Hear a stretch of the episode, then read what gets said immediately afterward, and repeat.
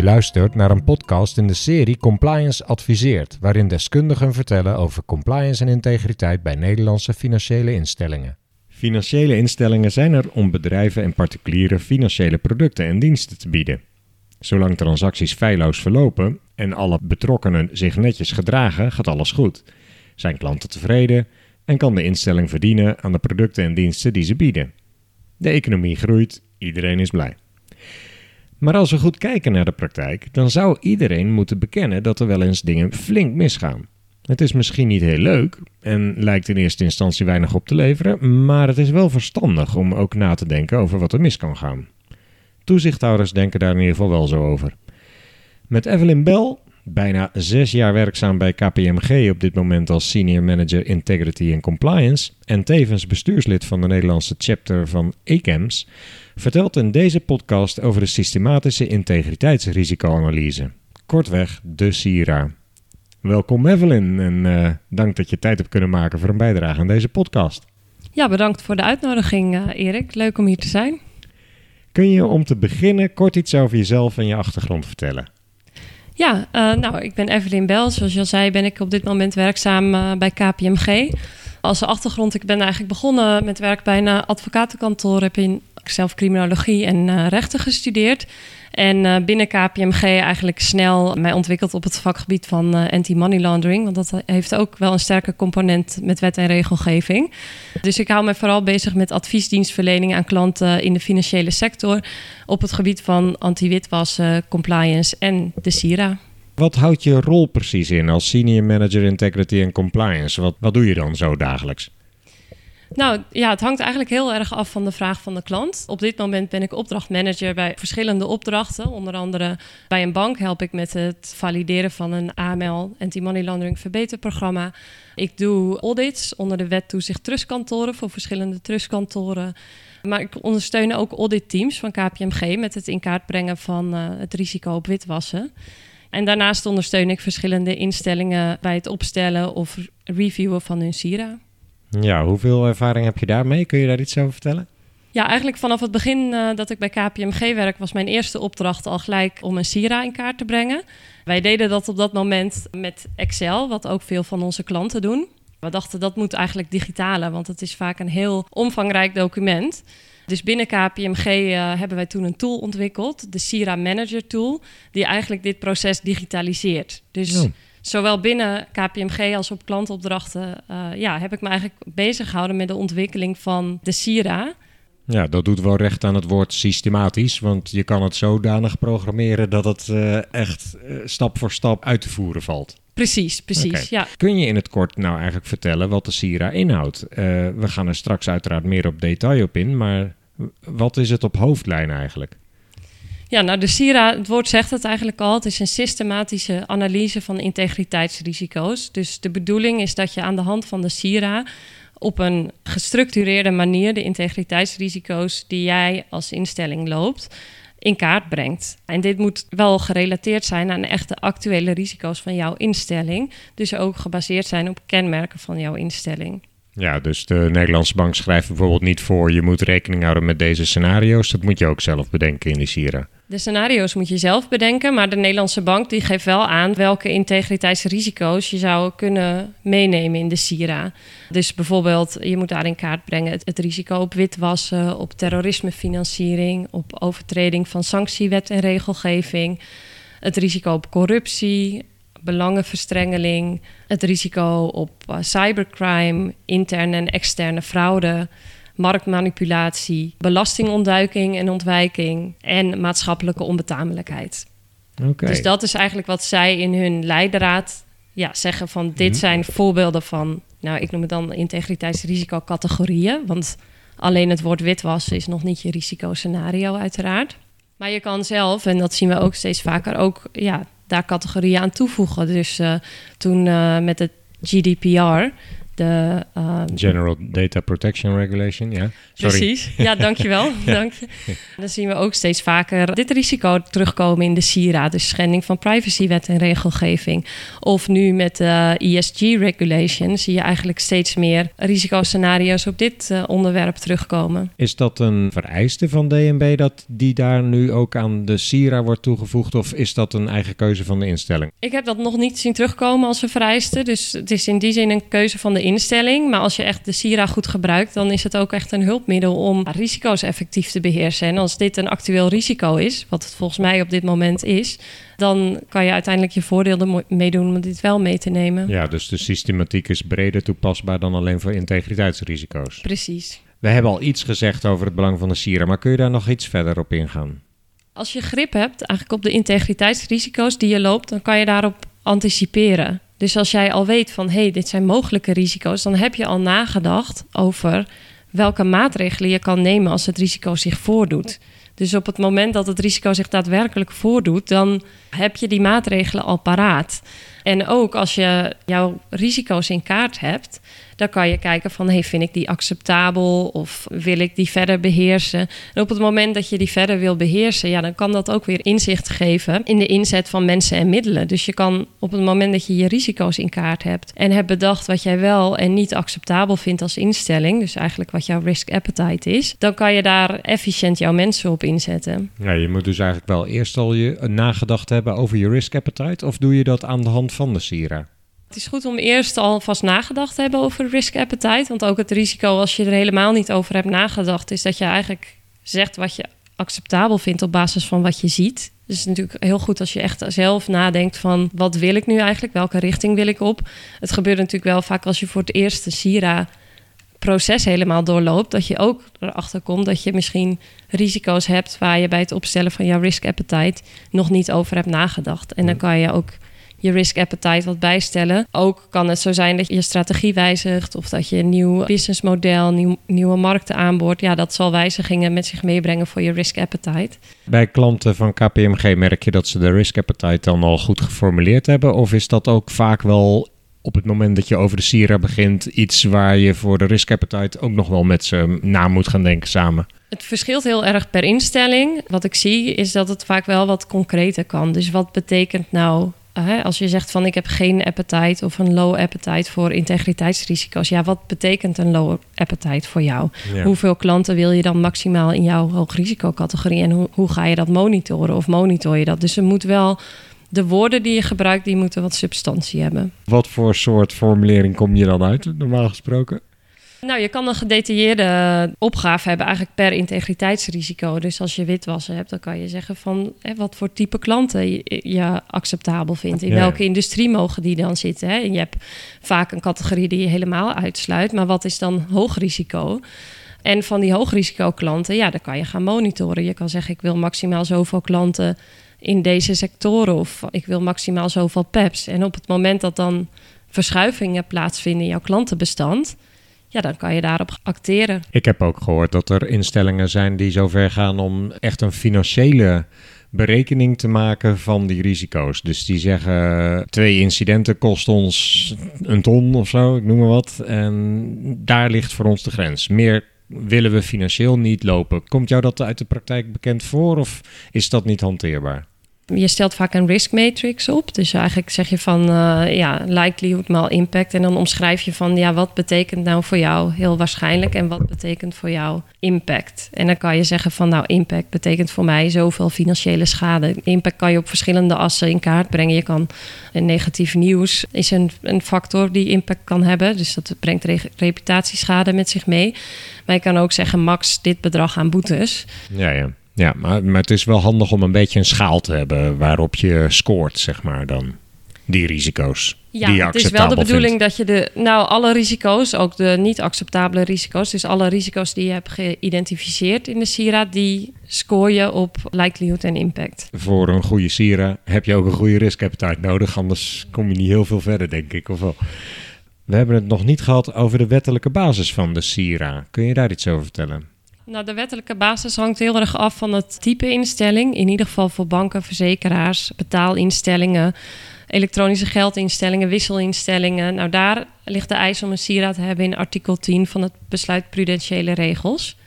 Daarnaast zijn er nog andere wetten die een uh, vergelijkbare eis hebben voor trustkantoren in de wet toezicht trustkantoren, maar ook voor pensioenfondsen en uh, beleggingsinstellingen. We hebben het zojuist gehad over de verhouding tussen de risk appetite en de SIRA. Maar hoe verhoudt de SIRA zich tot beleid, procedures? Ja, dus eigenlijk zou de SIRA uh, input moeten vormen voor jouw beleid. Je hebt een ja, eigenlijk eh, het hele SIRA-proces doorlopen. Dan heb je vastgesteld van welke risico's je loopt, welke je acceptabel vindt en waar je nog aanvullende maatregelen ja, zou moeten treffen. Maar die resultaten van de SIRA, die moeten ook hun weerslag vinden in het beleid en de procedures van de instelling. Als jij een uh, bepaald anti-witwasbeleid hebt, dan zou je daarin ook terug verwachten dat jij een klantacceptatie doet. Die is dan specifiek aan het type klanten. En als jij je organisatieschets van de Sira al hebt opgesteld, dan heb je eerst al jouw type klanten daar in kaart gebracht. Maar nog belangrijker eigenlijk in dit opzicht is ook voor transactiemonitoring. Dus jouw transactiemonitoring business rules, die zouden gebaseerd moeten zijn op de risico's die je in de SIRA hebt geïdentificeerd. Dus eigenlijk voor de verschillende beheersmaatregelen die bestaan binnen de instelling is natuurlijk leidend welke risico's je hebt geïdentificeerd. Als je bij een uh, financiële instelling een SIRA doet uh, vanuit KPMG, bemoei jij je dan ook, als je je met de SIRA bemoeit, ook met de rules dan? Begrijp ik dat goed? Dat je dat één op één door moet gaan vertalen?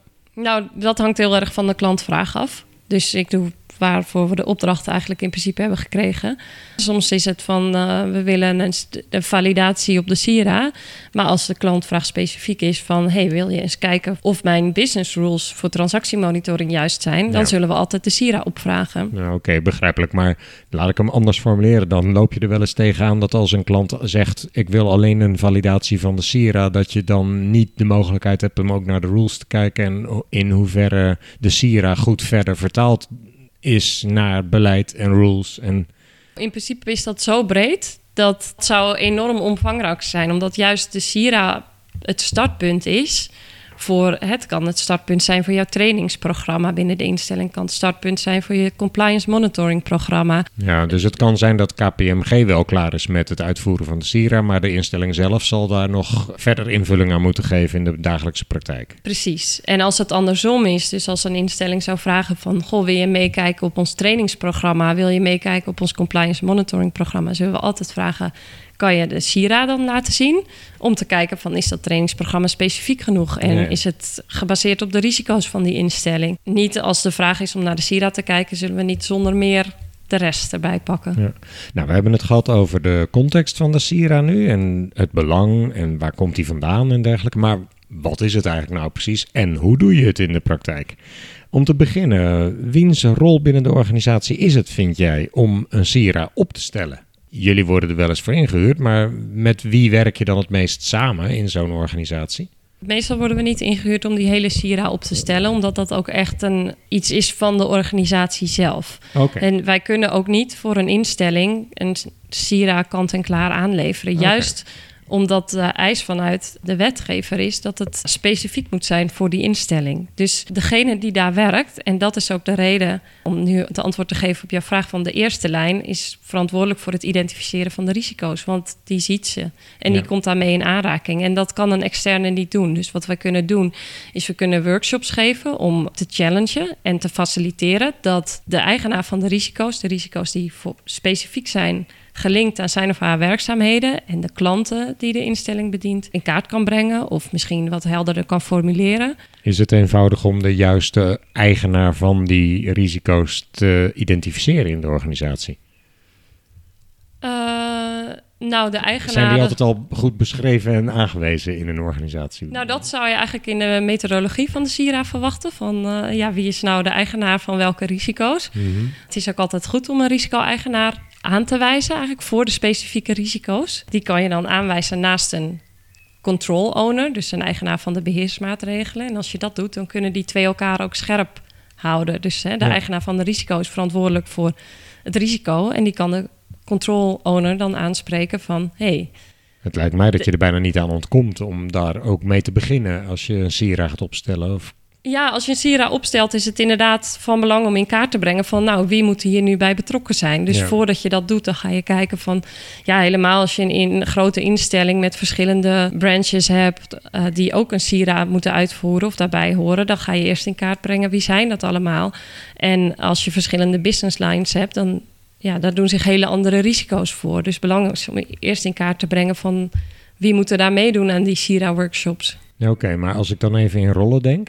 We hebben gezegd, je moet in ieder geval input krijgen van de eigenaar van het risico en van de controls.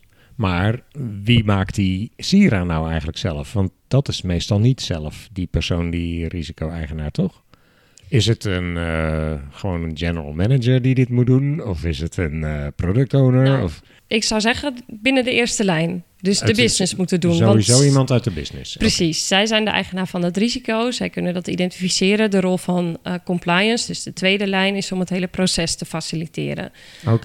Wat je vaak ziet, is dat het toch een feestje van risk management of compliance is. Dus dat zij dat echt heel erg trekken en dat de business het meer ziet.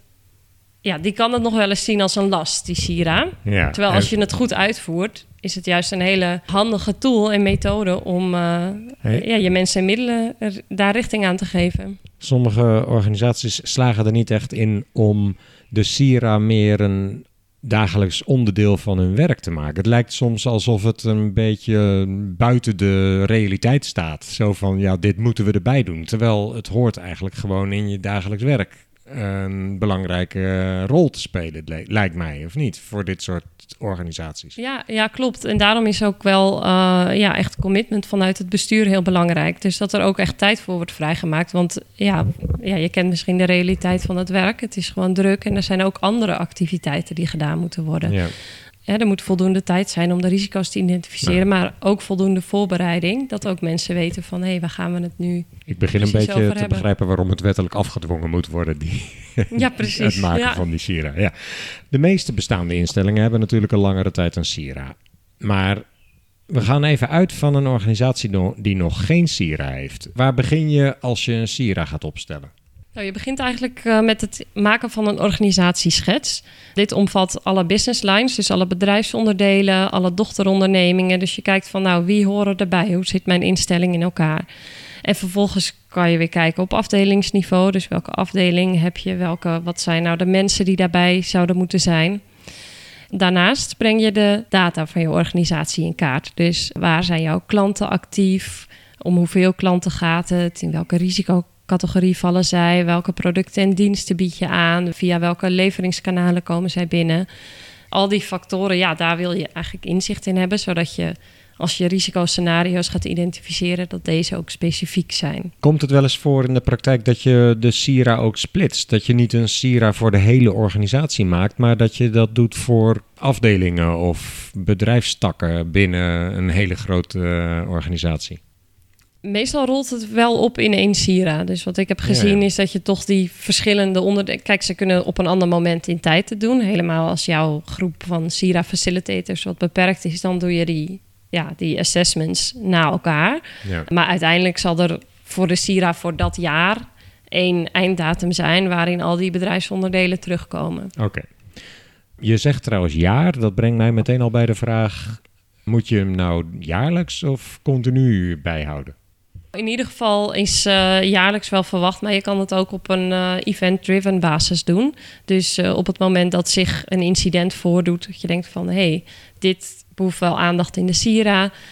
Als er een wijziging optreedt in wet en regelgeving, dat kunnen redenen zijn om de Sira ja, eigenlijk aan te passen. Ja, als je het op die manier doet, zou je het wel bijna doorlopend moeten bijhouden. Dus Ja, in die zin wel. Je kan zelf natuurlijk de afweging maken van... hey, dit event vind ik niet materieel... en dit pakken we op bij de volgende periodic review. ja. Maar je kan een proces voor inrichten. Kijk, en op het moment dat die Sira meer data gedreven wordt... dan kan je zeggen van op basis van die verschuivingen... in jouw eh, klantpopulatie, om maar een voorbeeld te noemen... kan je ja, zeggen van... hé, hey, nu gaan we een nieuw Sira-proces starten. Of Ja. als je een nieuw product eh, of een nieuwe markt aanboort. Om een scenario aan te vullen of te wijzigen bijvoorbeeld. En dan weer te kijken naar... Ja. Kun je nog iets vertellen over de voorbereiding? Voordat we, en dan gaan we straks in op eh, welke stappen je nou precies moet uitvoeren. Maar eerst nog even de voorbereiding van zo'n eh, proces.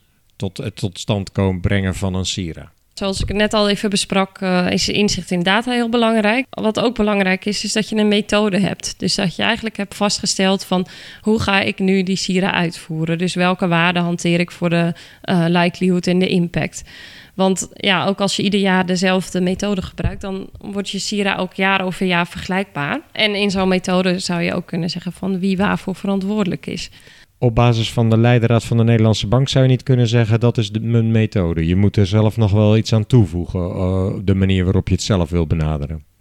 Nou, ik zou wel verwachten dat je zelf ook vastlegt in een beleidsdocument wat je methode is. Dus een, soort, ja, een soort policy, kan je SIRA-policy kan je het noemen, waarin je zegt met welke frequentie je de SIRA zal updaten, welke event triggers er zijn, welke waarden je dus aan likelihood en impact uh, hangt, hoe je de effectiviteit van beheersmaatregelen toetst, wie waarvoor verantwoordelijk is en op welk moment. Ja, dat zet je, leg je in een apart beleidsdocument vast. Precies. Nu, nu heb je al een aantal uh, zaken genoemd, onderdelen van de SIRA. Kun je ons kort door alle stappen die je uitvoert in een SIRA door, uh, doornemen? Ja, dus uh, nou ja, eigenlijk heb je eerst, uh, stel je je risk appetite vast. Maar ja, we hadden het net al eventjes over. Hè? Ja. Vervolgens dan ga je de risico's in kaart brengen. Dus je gaat identificeren van welk risico jouw instelling loopt. Dus welke integriteitsrisico's zich kunnen voordoen. Aan de hand van die integriteitsrisicocategorieën die je eerder noemde, die tien. Precies, precies. Vervolgens, als je die risico's hebt geïdentificeerd, dan wil je eigenlijk het netto-risico bepalen. Dus stel je hebt helemaal geen beheersmaatregelen. Uh, wacht even, voordat we naar die stap gaan. Je bedenkt welke risico's je organisatie loopt. Kun je een voorbeeld noemen van wat voor risico je dan formuleert? Bijvoorbeeld op het gebied van witwassen. Dat hangt heel, weer heel erg eigenlijk van de instelling af, wat een risicoscenario is. Wat wel handig is om te kijken naar je. Als je kijkt naar een risicoscenario, is om een bepaalde structuur aan te houden. Dus dat is eigenlijk cause, event, consequence. Dus de oorzaak, de gebeurtenis en het gevolg. Dat moet in een scenario staan, die nou, drie onderdelen. Dat zou handig zijn bij het opstellen van jouw scenario. Dus als je zegt van, um, nou, als instelling uh, zijn we betrokken bij het faciliteren van witwassen door uh, klanten die cashgeld storten en vervolgens een overboeking doen naar een hoog jurisdictie. Uh, dus dat is, zou een verschijningsvorm van witwassen kunnen zijn. En, maar dan heb je de cause eigenlijk beschreven, maar nog niet de consequence, toch? De consequence, dat hoort bij de opzet. Die zou voor meerdere scenario's hetzelfde kunnen zijn. Dus dat kan in jouw impact ratings terugkomen. Maar wat wel dus belangrijk is, is dat je de oorzaak vastlegt. Want als je vervolgens gaat kijken van welke beheersmaatregelen zijn er nou van toepassing, is het wel relevant om te weten of bijvoorbeeld jouw oorzaak ligt aan een bepaald systeem wat faalt of wat er niet is. Of omdat jij medewerkers hebt die samenspannen met, uh, met een crimineel. Of omdat er onvoldoende kennis en kunde is binnen een instelling. Want die maatregelen die kunnen heel anders zijn. Dus als jij niet weet waardoor jij wordt blootgesteld aan witwassen, zullen jouw beheersmaatregelen ook nooit specifiek kunnen zijn. Ja, dus dat is belangrijk om daar zo concreet mogelijk over te zijn in je scenario's. Ja, als je beheersmaatregelen wil hebben die uiteindelijk het risico mitigeren. Ik denk dat dat dan, het doel is. Ja, precies. Ja. Hoe kom je aan die scenario's? Moet je die dan zelf gaan bedenken? Moet je voorzetjes geven aan mensen in workshops? Of ga je een, een vragenlijst uitzetten? Hoe doe je dat? Je moet die zelf bedenken. En dat is best wel lastig om te bedenken. Dus wat belangrijk is, is dat je die workshops goed voorbereidt. En dat kan bijvoorbeeld door het opstellen van risico-inzicht vooraf. Dus, en dat zou wel weer iets kunnen zijn wat compliance doet. Maar dat die gewoon, maar ook, niet alleen compliance, maar ook andere personen binnen de instelling met een specifiek expertisegebied. Die gaan gewoon vanuit hun expertise kijken van hey, welk risico kan zich nou mogelijk voordoen. Het is ook belangrijk dat je daarbij kijkt bijvoorbeeld naar wat er is gezegd in de national en supranational risk assessments. Mhm. Die worden door nou, op EU-niveau vastgesteld voor de supranational risk assessment, maar ook op nationaal niveau. Dus dat is een document waarin al risico's naar voren komen. Dus ter voorbereiding. Als ik google op National Risk Assessment, vind ik hem. Ja, dat verwacht ik wel. kan nog toevoegen of witwassen of terrorismefinanciering. Dat maakt het nog wat makkelijker vindbaar. Dus je kan die workshops voorbereiden dus door al naar nationale en internationale documenten te kijken waarin risico's zich hebben geïdentificeerd. Of van mensen op een specifiek expertisegebied vooraf even te bevragen welke risico's zie je. Uh, wat ook heel erg helpt, is om een proces in stukjes te knippen. Dus ik heb wel eens een SIRA-workshop bij een verzekeraar gefaciliteerd. Dus dan beginnen we bij hè, een klant dient een claim in. Wat kan er nou misgaan in het claimsproces? Of we doen de uitbetaling. Wat kan er nou misgaan bij de uitbetaling? Ja, dan ga je dus, een soort van de levenscyclus van de klant gewoon stapsgewijs door. Precies. Voor al die zaken is het dus eigenlijk weer jouw organisatieprofiel heel belangrijk. Van welke producten en diensten lever je nou en wat doe je nou als je dat product en diensten? Daar ga je dan die tien risicocategorieën tegenaan houden. Ja, je zou die tien er tegenaan kunnen houden. Je kan ook kijken van welk risico is nou relevant voor dit stapje in het proces. Dus het kan zijn dat er bij een bepaalde processtap niet het risico belangenconflicten speelt. Hoeveel aandacht besteed jij aan het uitleggen van de verschillende integriteitsrisico's als je zo'n soort workshop houdt? Eerlijk gezegd, de meeste die we hebben wel een globaal beeld. Dus het is wel, het is meer hoe het zich kan voordoen. En dat, ja, dan komen we eigenlijk weer terug bij die eerdere vraag van dat de business owner of de eigenaar van het risico, degene die het dagelijkse werk doet, dat het beste kan identificeren. Ja, die moet wel beseffen wat die risico's inhouden, wat, wit, wat witwassen is bijvoorbeeld ook. Maar ook dat heeft niet iedereen een goede, grondige kennis van om de risico goed in te schatten, lijkt mij. Maar je zegt dat het in de praktijk uh, wel meevalt. Nou, over het algemeen weten mensen wel van dat witwassen ja, legaal maken eigenlijk van illegaal verkregen vermogen is. En dat dat op verschillende manieren kan gebeuren. Wat lastiger is, is hoe ja. Wat is nou de verschijningsvorm van witwassen? Hoe kan het, zich... Toch vaak moeilijk voorspel, voorstelbaar. Precies, dus dat is lastig, ja. Maar dat, dat kan ik ook niet 1, 2, 3 uitleggen zonder de organisatie te kennen. Ja. Als je daar dan goed over nagedacht hebt, wat is dan je volgende stap? Want dan gaan we verder naar uh, de stappen van de Sira. Je hebt die scenario's uitgewerkt en dan? Dan ga je vervolgens uh, bepalen wat de likelihood en impact van het scenario is zonder de beheersmaatregelen. Dus eigenlijk is het jouw netto risicoscore. Ja. Um, en met likelihood moet ik dus voorstellen de kans dat het, dat het scenario zich voordoet. De waarschijnlijkheid inderdaad dat het scenario zich voordoet. Op wat voor manier zou je dat moeten scoren in jouw ogen? Is dat laag, midden, hoog? Of is dat twee keer per jaar? Of hoe, hoe, hoe eh, score je dat? Ja, er zijn verschillende manieren. Je kan in ieder geval is het handig om in je methodologie alvast uiteen te zetten welke schaal je gebruikt. Dus je kan bijvoorbeeld zeggen ik gebruik een driepunt schaal. Dus dan heb je dus ah, inderdaad laag, midden, hoog. Maar je kan ook een vier of een vijfpuntschaal gebruiken. En in je omschrijving dan leg je eigenlijk uit... nou, voor mij betekent een 1 heel onwaarschijnlijk. Dus dat is uh, één keer per vijf jaar. En een 5 betekent waarschijnlijk. En dat is twee keer per jaar. Ik, ik noem maar wat. Maar zo kan je, je, dat... in ieder geval maar een schaal gebruikt. Precies. Ja, ja. En, en dat stel je dan ook samen in een workshop vast. We, we scoren hem op drie, bijvoorbeeld. Wat je zou kunnen doen, en dat is eigenlijk de tool waar ik over begon, de, die biedt een workflow om uh, scenario's te scoren. Dus als jij zegt van ik wil dat verschillende personen nu binnen de instelling de Sira afleggen. Dan kan jij de scenario's scoren. Dat kan ook in een Excel overigens. Je kan dus aan verschillende mensen vragen om de scenario's die aan hen zijn toegewezen te scoren. En dan stuur je dat rond als een soort vragenlijstje per e-mail of zo. Ja, je zou het per e-mail kunnen toezenden. Of je kan dus een taak aan iemand toewijzen. En dan krijgt hij een automatische mail. Nou, dan vul je die scores in. Okay. Dan kan je kiezen wat je daarmee doet. Dus stel dat je iedereen die heeft ingevuld, dan kan je zeggen van, uh, nou, wat is de gemiddelde score? Of je kan de risicoscores gaan bespreken en dan kan je vooral je aandacht besteden aan de outliers. Dus waar weken mensen nou heel erg af? En dan ga je dan het gesprek over aan van, ja, jij hebt dit gescoord. Ja en iemand anders iets heel anders. Wat zit daar nu achter? En ook die gesprekken, die kunnen weer eigenlijk leiden tot aanvullende risico's, maar ook tot meer risk awareness van de medewerkers. Want die krijgen risico's te horen waarvan zij eigenlijk ja, niet op die manier naar hadden gekeken. Dus hmm. bijvoorbeeld iemand die het heel laag heeft ingeschat en heel hoog, dan kom je tijdens zo'n discussie erachter van: Oh, had jij het zo gelezen? Nee, ik had het zo gezien. En dan heb je nog een scenario voor je Sira. Leuke bijvangst van het proces precies, zelf al. Precies, want dat was het lastige. Ja. Dan hebben we impact en likelihood gescoord. En dan? Nou, dan vervolgens ga je kijken welke beheersmaatregelen je hebt om die risico's te mitigeren. Dus wat kan je nou doen om de, ja, of wat heb je eigenlijk gedaan om ervoor te zorgen dat dat risico, de likelihood en de impact eigenlijk minder worden? Dus je gaat kijken van, nou, wat heb ik aan beleid en procedures? Krijgt mijn personeel training? Hoe is het gesteld met cultuur en gedrag binnen de organisatie? Ja, systemen ook. Uh, Systemen, heel belangrijk. Transactiemonitoring systeem, uh, sanctiescreening, specifieke business rules. Want het is natuurlijk niet alleen het systeem, maar ook wat staat er nou in dat systeem.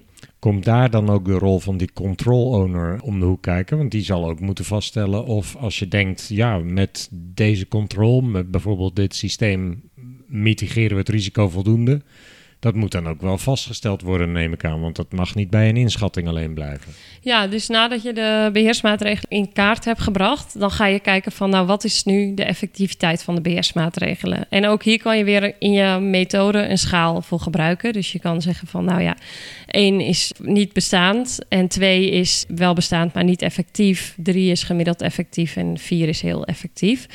uh, dus je kan een score geven aan jouw beheersmaatregel. En het beste is dat je die score ook kan onderbouwen met resultaten van bijvoorbeeld compliance monitoring of bepaalde testresultaten op die control. Of misschien heeft internal audit wel een keer wat gezegd over het, het falen of het al dan niet falen van die control. Ja. Oké, en dan hebben we dat. En dan? Ja, dus op basis van de effectiviteit van die beheersmaatregelen, dan bepaal je eigenlijk wat het netto risico is. Volgens mij zei ik net uh, netto risico terwijl we nog bij de bruto risico's waren. Maar het netto risico dat komt pas aan de orde op het moment dat je de effectiviteit van je beheersmaatregelen hebt bepaald. Ja. Dus dat is eigenlijk het restrisico. Dus welk risico blijft er nou over? Dus je hebt je inherente risico's, dat is je is bruto. bruto, ja. Dan heb je je beheersmaatregelen, die hebben een bepaalde effectiviteit en dat resulteert dan in jouw netto risico. Je zou bijvoorbeeld kunnen zeggen: Ik heb op cybercrime een heel hoog risico inherent. Want de kans dat ooit Noord-Korea onze systemen hackt is, eh, of probeert te hacken is groot. Maar daar hebben we dan allerlei eh, firewalls en weet ik veel allemaal in place. En daardoor is het netto risico acceptabel. Vertel ik het zo goed? Ja, nou eigenlijk is het een goede samenvatting. Wat vaak gebeurt is dat nog niet de beheersmaatregelen helemaal zijn toegespitst op het risico. Dus het kan zijn dat een beheersmaatregel kan wel effectief zijn, maar als die niet is toegespitst, niet bij jouw risico hoort. Om een heel simpel voorbeeld te geven, als je risico op witwassen hebt, dan kan je zeggen van, nou ja, we hebben een eh, klantacceptatiebeleid. Klanten moeten het hele KYC-proces doorlopen. En we- we hebben mensen die dat allemaal eh, reviewen voordat een eh, klant wordt geaccepteerd. Maar stel dat jij bij je witwasrisico zegt van, we geven training op het gebied van belangenverstrengeling.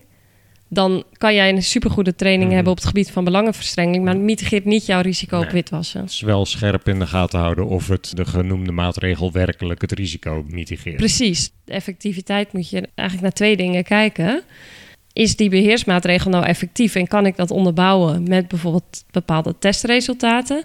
Twee, of is de beheersmaatregel effectief om dit specifieke risico aan te passen? Dan heb je een eh, lijstje met netto risico's voor die verschillende scenario's. Zijn we er dan? Dan ga je kijken of die netto risico's binnen die risk appetite passen die je hebt vastgesteld. Dan rolt eruit, nou, de- er is best een risico dat, dat Noord-Korea onze systemen hackt. En dan, hoe, hoe vergelijk je dat dan met je risk appetite? Er zijn eigenlijk verschillende acties die je kan hebben op basis van jouw SIRA. Je kan zeggen van nou, ik accepteer het risico. Dus dan zeg je eigenlijk deze past binnen mijn risk appetite. Je kan zeggen ik vind het, wil het risico verder mitigeren. Je kan zeggen ik wil dit risico overdragen. Dus het e- eenvoudigste voorbeeld daarvan is als wij een verzekering afsluiten. Dus wij betalen een premie. En daarmee dragen we een risico op bepaalde schade over aan een verzekeraar. Ja, ja. Of je kan het helemaal vermijden. Dus je zegt ik ga afscheid nemen van deze klant klant, of van dit risico, van Ja. dit product. ja, ja.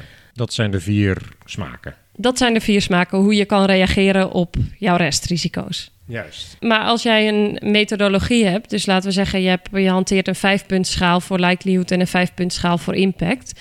Dus die vermenigvuldig je met elkaar. Dus uh, stel dat jouw risico een likelihood van 5 heeft en een impact van 5, dan is je eindscore 25. Nou, dat is de hoogste score mogelijk op jouw 5.5 schaal. Je kan ook zeggen, ik vind alle restscores boven de 15, die wil ik sowieso verder mitigeren. Ja, dus dan kan jij zelf alvast snel door je Sira heen gaan en kijken van, oh, dit viel allemaal boven de 15. Nou, dan gaan we hier maatregelen voor bedenken. Ja, maar die 15 is dan de waarde die je in je risk appetite dus opneemt. Begrijp ik dat goed? Precies. Ja. We hebben al enkele uitdagingen besproken bij het opstellen van een Sira, maar als je nou over het geheel terugdenkt, wat zijn nou de meest opvallende uitdagingen die, waar je tegenaan loopt? De grootste uitdaging die ik zie is de beschikbaarheid van data als die data er is, om die mooi goed inzichtelijk te maken. Data van hoe vaak een bepaald probleem voorkomt, bedoel je? Waar zijn mijn klanten actief? Naar oh. welke landen hebben ze transacties? Oh, in de voorbereidingsfase al? Precies. Dus de datakwaliteit, ja. die kan vaak beter. En tuurlijk, instellingen hebben veelal inzicht in die data, maar omdat ja, duidelijk inzichtelijk te maken in de Sira. Dat is nog, uh, nog een uitdaging. Dat bemoeilijkt ook goede scenario's formuleren. Ja, als dat niet goed inzichtelijk is, dan is het lastig om goede scenario's te formuleren. Ja, dat klopt. Had je nog andere uitdagingen die je zou willen bespreken? Dus het beoordelen van de effectiviteit van beheersmaatregelen. Dus dit is gebeurt vaak nog subjectief. Dus niet op basis van echte toetsing van de effectiviteit. Ja. Mhm. Ook uh, een uitdaging is dat het breed wordt gedragen binnen de instelling. Dus niet één persoon die echt eraan trekt, maar echt dat de mensen meedoen met het identificeren van risico's, ook, ook het belang daarvan inzien. Mhm. Een andere uitdaging is het vertalen van de resultaten van de SIRA naar beleid en procedures. Dus eigenlijk is dat een stukje van hoe hou je nu die SIRA levend. Dus niet één exercitie omdat het moet van de wetgever. Maar echt van, hé, hey, dit zijn mijn risico's en we gaan nu effectief ons beleid hierop inrichten. Speel jij er wel eens een rol in om te proberen mensen zover te krijgen dat ze het belang van de Sira inzien en dat ze daar graag een bijdrage aan leveren? Ja, zeker, omdat ik daar ook echt van overtuigd ben. Dus ik denk ook echt dat. Op wat voor manier overtuig je ze dan? Het kan helpen. Als jij zicht hebt op je risico, dan ben je gericht bezig. Dus dan kan je gericht een keuze maken van dit doe ik wel en dat doe ik niet. En dan ben je ook niet onnodig allemaal beheersmaatregelen aan het uitvoeren. Die helemaal niet op jouw risico van toepassing zijn, maar omdat je denkt dat je een beheersmaatregel moet hebben. Ik ben overtuigd. Nou, dat is mooi. Andere uitdagingen nog? Monitoren van de risico's en de acties. Oeh. Dus, hè, dus ook de SIRA nog voor het concreet vertalen. Als er restrisico's zijn, maak een actieplan. Wat ga je doen ja, ja. om ervoor te zorgen dat die restrisico's zijn gemitigeerd? Voor welke datum ga je dat doen? En wie is daarvoor verantwoordelijk? Dus vooral die laatste twee, die due date en die eigenaar, die ontbreken nog vaak. Ja. En vervolgens wil je ook monitoring dat die acties daadwerkelijk worden gedaan. Dus niet dat één keer aanwijzen, maar ook kijken van heb jij nou jouw actie opgevolgd en daarover rapporteren aan het bestuur bijvoorbeeld. Ja. Nu jij ze noemt, ik herken ze. Ik vind het ook vaak lastig om vast te stellen dat we echt alle scenario's hebben. Op een gegeven moment heb je een lijstje en ja, dat lijstje kan ook gewoon enorm ontploffen, want dan verzin je er 50 bij of zo. Maar heb je nou aan alles gedacht? Hoe, hoe check je dat? Nou, ik zou in ieder geval dat uh, je de scenario's die je hebt naast jouw organisatieschets leggen. En naast de internationale guidance, nieuwsartikelen, eigenlijk jouw de risico-inzichten die je voor in de voorbereiding van de workshops had kunnen maken. Dus zijn er nog dingen geïdentificeerd in internationale of nationale publicaties die nu niet in mijn SIRA zitten, maar die wel van toepassing zijn op mijn organisatie? Dat is een goede tip. Ja. En twee, ik heb van tevoren inzicht gemaakt in alle producten en diensten die ik lever, in de business lines die ik heb, in de type klanten die ik heb dan zou ik op zijn minst wel ook scenario's verwachten die dan toezien op wat je daar hebt gezegd. Ja, dus uh, de voorbereiding helpt je ook om te zien of je compleet bent of niet. Precies, precies. Ja. ja, Je was wel door je uitdaging heen, toch? Of uh, heb je er nog een? Nou, ik heb nog een uitdaging. Kijk, oh jee. ik hoop dat mensen niet gedemotiveerd dit zijn Al de, dit zijn al de hoofduitdagingen. Dus Oké, ja, dan hebben we een voorbereid mens stelt voor twee, ja? Nou, wat belangrijk is, is ook het monitoren van je risico's. Dus daarvoor kan je key risk indicators opstellen en key control indicators. Dus eigenlijk is jouw key risk indicator is een waarde die weergeeft dat jouw proces mis zou kunnen gaan. Dat was de. Key risk indicator. Dus het is een waarde die aangeeft dat je proces mis zou kunnen gaan. Dus een heel simpel voorbeeld van een key risk indicator is jouw eh, benzinemeter in de auto. Dus als het lampje gaat branden, dan kan het misgaan als je geen actie onderneemt. Want als je niet gaat tanken, dan eh, kom je stil te staan langs de weg. Dus Ja. het- dat is belangrijk om te weten. Dus ook hè, bijvoorbeeld als je dus inzicht hebt in je data en je zegt van nou, ik wil maximaal zoveel hoog risico klanten. En als het in dit grijze gebied zit, dan ga ik acties ondernemen. Dus Ja, dan wil ik verdere beheersmaatregelen of misschien afscheid nemen van bepaalde klanten. Of Dus ook hier is goede data weer key. Precies, precies, ja. En jouw key control indicator, die, dat is een waarde die aangeeft dat er wat mis is met jouw beheersmaatregel. En een voorbeeld daarvan, om het in het autovoorbeeld te houden, dat is als het lampje van jouw rem gaat branden. Dus dat is een indicatie dat je rem het niet doet. Dan en dan wil je wel mis. meteen actie ondernemen, want als je niet kan remmen, dan. Ja, ja, goede voorbeeld ook. Ja. Merk je dat er rekening wordt gehouden met uitzonderlijke scenario's nu? Nu we bijvoorbeeld mee hebben meegemaakt dat er zomaar een pandemie eh, de hele wereld plat kan leggen? Of, of gaan mensen nog steeds in scenario's uit van dingen die, eh, die erger voor de hand liggen? Nou, het zou wel eh, goed zijn als ze de SIRA aanpassen op basis van de actuele risico's. Dus inderdaad een pandemie of eh, hot topics zoals ESG of data privacy. Dus dat soort dingen. Ja, het is zeker relevant om dat mee te nemen in je SIRA. Ja, want corona, zou je dat ergens scharen onder een integriteitsrisico? Ik denk het eigenlijk niet. Maar Nou, niet als risicocategorie, maar je kan wel onder andere bijvoorbeeld maatschappelijke betamelijkheid. Als jij bepaald gedrag niet van medewerkers wenst. En er kan een risico zijn dat zij door thuiswerken bepaald gedrag vertonen. Ik ik geef een voorbeeld. ehm, het is lekker weer en mensen gaan in de tuin bellen en eh, op hun laptop zitten en dan eh, vertrouwelijke klantdingen bespreken die Ja. de buren kunnen horen. Dat Ja. zou een integriteitsrisico kunnen zijn. Ja, ja. En ik kan me ook aan corona gerelateerd voorstellen dat het een integriteitsrisico is dat je klanten vaker een misbruik van coronasteun maken bijvoorbeeld en dat je daar extra op let. Ja, dan. zeker, zeker. Ja. Ja, ja. Nou hebben we al die scores op de kans dat het risico zich voordoet en de impact hebben we kort besproken. Maar hoe kom je nou tot een goed doordachte score die, die echt meetbaar is bijvoorbeeld? Ja, nou wat belangrijk is, is dat je een serieuze inschatting maakt. En dat kan je goed doen door te kijken naar historische data en naar incidenten. Dus hebben zich al incidenten op dit gebied binnen de instelling voorgedaan? Daarnaast had ik net ook al even benoemd, je kan het door verschillende mensen laten invullen. En dan kan je bespreken wat de verschillende scores waren en dan tot een gezamenlijke risicoscore komen. En wat ook belangrijk is, is kijk kritisch naar je eigen SIRA. Dus wat nog vaak voorkomt, is dat vergelijkbare risico's totaal anders worden gescoord. Of dat vergelijkbare risico's met vergelijkbare controls ook een hele andere score hebben. Ja, dus je doet als je klaar bent met je Sira in eerste instantie doe je ook nog even een consistentiescheck van klopt het nou allemaal wat we hebben geproduceerd? Klopt het nu? Ja, dat, dat is wel. En is het logisch? Is het nu logisch dat dit hoger is? Dat deze score hoger is dan deze score? We hebben nu de stappen van het uitvoeren van een Sira besproken. Dan is die klaar. Wat moet er dan gebeuren? Nou, dan is het belangrijk dat de SIRA wordt goedgekeurd door het bestuur van de instelling. Die draagt uiteindelijk de verantwoordelijkheid ook hiervoor, voor de gehele SIRA.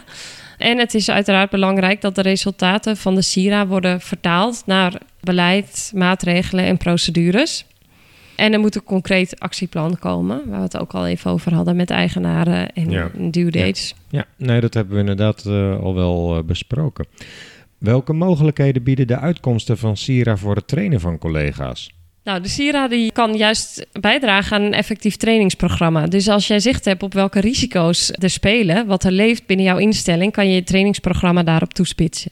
Want je wil wel dat medewerkers ook weten hoe zij met een bepaald risico moeten omgaan. En dat kan je weer adresseren in jouw training.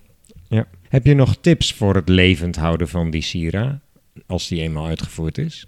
Hoe je de SIRA levend kan houden is eigenlijk door hem echt te gebruiken. Niet alleen ja, ik moest dit doen van de wet en regelgeving. Nu is hij af, ik leg hem in de la. Maar gebruik het als uitgangspunt echt voor het formuleren van je beleid.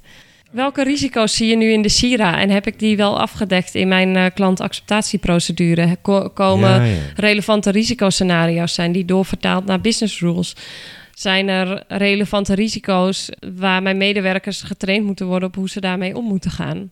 De SIRA is niet een geheim document ook. Uh, er is uh, geen reden om hem niet te verspreiden in te Nee, absoluut niet. Het is juist de bedoeling dat deze breed bekend is. Want juist als je al eerder het risico hebt doorleefd, als je erover na hebt gedacht, dan kan je beter handelen op het moment dat het risico zich daadwerkelijk voordoet. Want je hebt het al een keer gezien en je hebt er al een keer over nagedacht. Als je nou kijkt naar de Sira's waarbij jij betrokken bent geweest, heb je daar al wel eens feedback op gehad van DNB?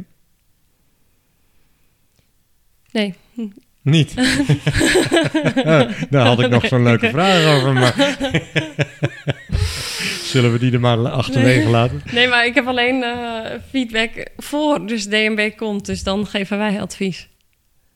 Hoe bedoel je voordat? Dus DNB oh. heeft een brief gestuurd met uh, bevindingen. Ja, onder en andere op de sier, en, dan, en dan haken uh, wij aan. Ja, ja, ja, ja, Maar achteraf, als DNB het goed vindt, krijg je niet nog een terugkoppeling. Nu is je Sira geweldig. Of wij zijn als KPMG al uit beeld op het moment dat het verder... Want wij ronden de opdracht af en dan sturen ze naar DNB. Daar gaan okay, maanden maar, overheen. Maar dan vind ik het wel boeiend om te weten... waar DNB dan het vaakst de Sira's die er bestaan uh, op afkeurt. Wat ik heel veel zie, dat is de dataschets. Die ontbreekt helemaal. Of die is niet gedetailleerd genoeg, niet helder in kaart gebracht. Ja, die voorbereiding um, weer. En daarmee krijg je ook uh, de volgende opmerking: dat de risicoscenario's onvoldoende specifiek zijn. Mm -hmm. Of onvoldoende diepgang hebben. Uh, wat ik ook terug heb zien komen is dat risicoscenario's niet vanuit verschillende invalshoeken zijn belicht. Dus je kan kijken naar een overtreding van wet en regelgeving. Maar je kan ook kijken naar nou ja, maatschappelijke onbetamelijkheid. Dus wat zijn nou in het maatschappelijk verkeer ongewenste handelingen. Die kunnen mogelijk reputatieschade opleveren. Dus iets wat je niet wil, maar wat niet letterlijk bij wet is verboden. Maar misschien wel in de geest van de wet is verboden. als je op die manier niet de Sira benadert, dan zit je ernaast eigenlijk. Het is goed om te kijken naar ja, welke verschillende invalshoeken heb je van een bepaald risico. Mm Daarnaast is de beoordeling van risico's en beheersmaatregelen vaak te subjectief. En ja, wat ik net ook al even zei, soms ook helemaal voor hetzelfde risico een hele andere score of voor eenzelfde beheersmaatregel een andere score. Op dat detailniveau kijken ze ook. Op dat de detailniveau wordt wel gekeken, ja. Maar meer ook omdat dat ook, denk ik, een indicatie is dat de toekenning van het risico heel subjectief heeft plaatsgevonden. En daarmee onbetrouwbaar eigenlijk. Precies, ja. Wat ik de laatste tijd ook veel zie terugkomen, is de risk appetite is niet specifiek genoeg. Dus er wordt soms gezegd, we hebben low appetite voor witwassen. Ja, wat, wat betekent low? Dat is onvoldoende, ja. ja. ja. Oké. En, en het commentaar is dan gewoon, dat is onvoldoende, werk het verder uit. Of ze, geven ze ook aanwijzingen, dit willen we daaraan aangepast zien? Ze geven niet direct aanwijzingen wat specifiek aangepast moet worden. Maar de bevinding is wel uitgebreider dan uh, dit is onvoldoende. Dus ze maken wel echt concreet met voorbeelden wat dan onvoldoende is. Ja, ja, ja. Volgens mij komen we een beetje aan het einde van deze podcast. Ik zou nog graag ten eerste willen weten uh, welke ontwikkelingen verwacht je nog en op welke termijn op het vlak van de SIRA en risicoanalyses. En daarna gaan we nog hebben over je tip voor de luisteraar. Op korte termijn meer data gedreven. Dus beter inzicht in de data, maar ook gewoon de, uh, als er verschuivingen in de data plaatsvinden, dat dat een event trigger is om de SIRA opnieuw uit te voeren. Daarnaast ook digitalisering van het proces. Dus hoe kan je nou dat SIRA-proces efficiënter doorlopen? dus niet de onwerkbare Excels, maar een, een procesflow, een dashboard met jouw resultaten van de SIRA. De resultaten van control testing, dat die gelinkt worden aan de SIRA. Dus dat vindt vaak al plaats, maar is nog niet een, een expliciete link. En ook wat ik verwacht is verbreding naar andere sectoren. Dus er is al een wettelijke eis nou, voor specifieke instellingen. Maar op het moment dat de SIRA echt als een tool gezien wordt voor de effectieve en efficiënte inzet van mensen en middelen, die ook richting kan geven aan het behalen van je strategie. Ja, als dat belangen van wordt ingezien, dan hebben ook echt andere sectoren hier ook baat bij. Net eigenlijk als wat je doet met financiële risico's. Dus daarvan breng je ook in kaart als jij een bepaalde markt wilt aanboren. Dan ga je ook kijken van wat verwacht ik daarmee te verdienen en wat zijn de kosten. En integriteitsrisico's, dat, dat is ook onderdeel van de kosten. Ja, ja. oké. Duidelijk, dankjewel. En aanhakend op de titel van de podcast zou ik je tenslotte natuurlijk nog willen vragen... wat is jouw advies voor de luisteraar?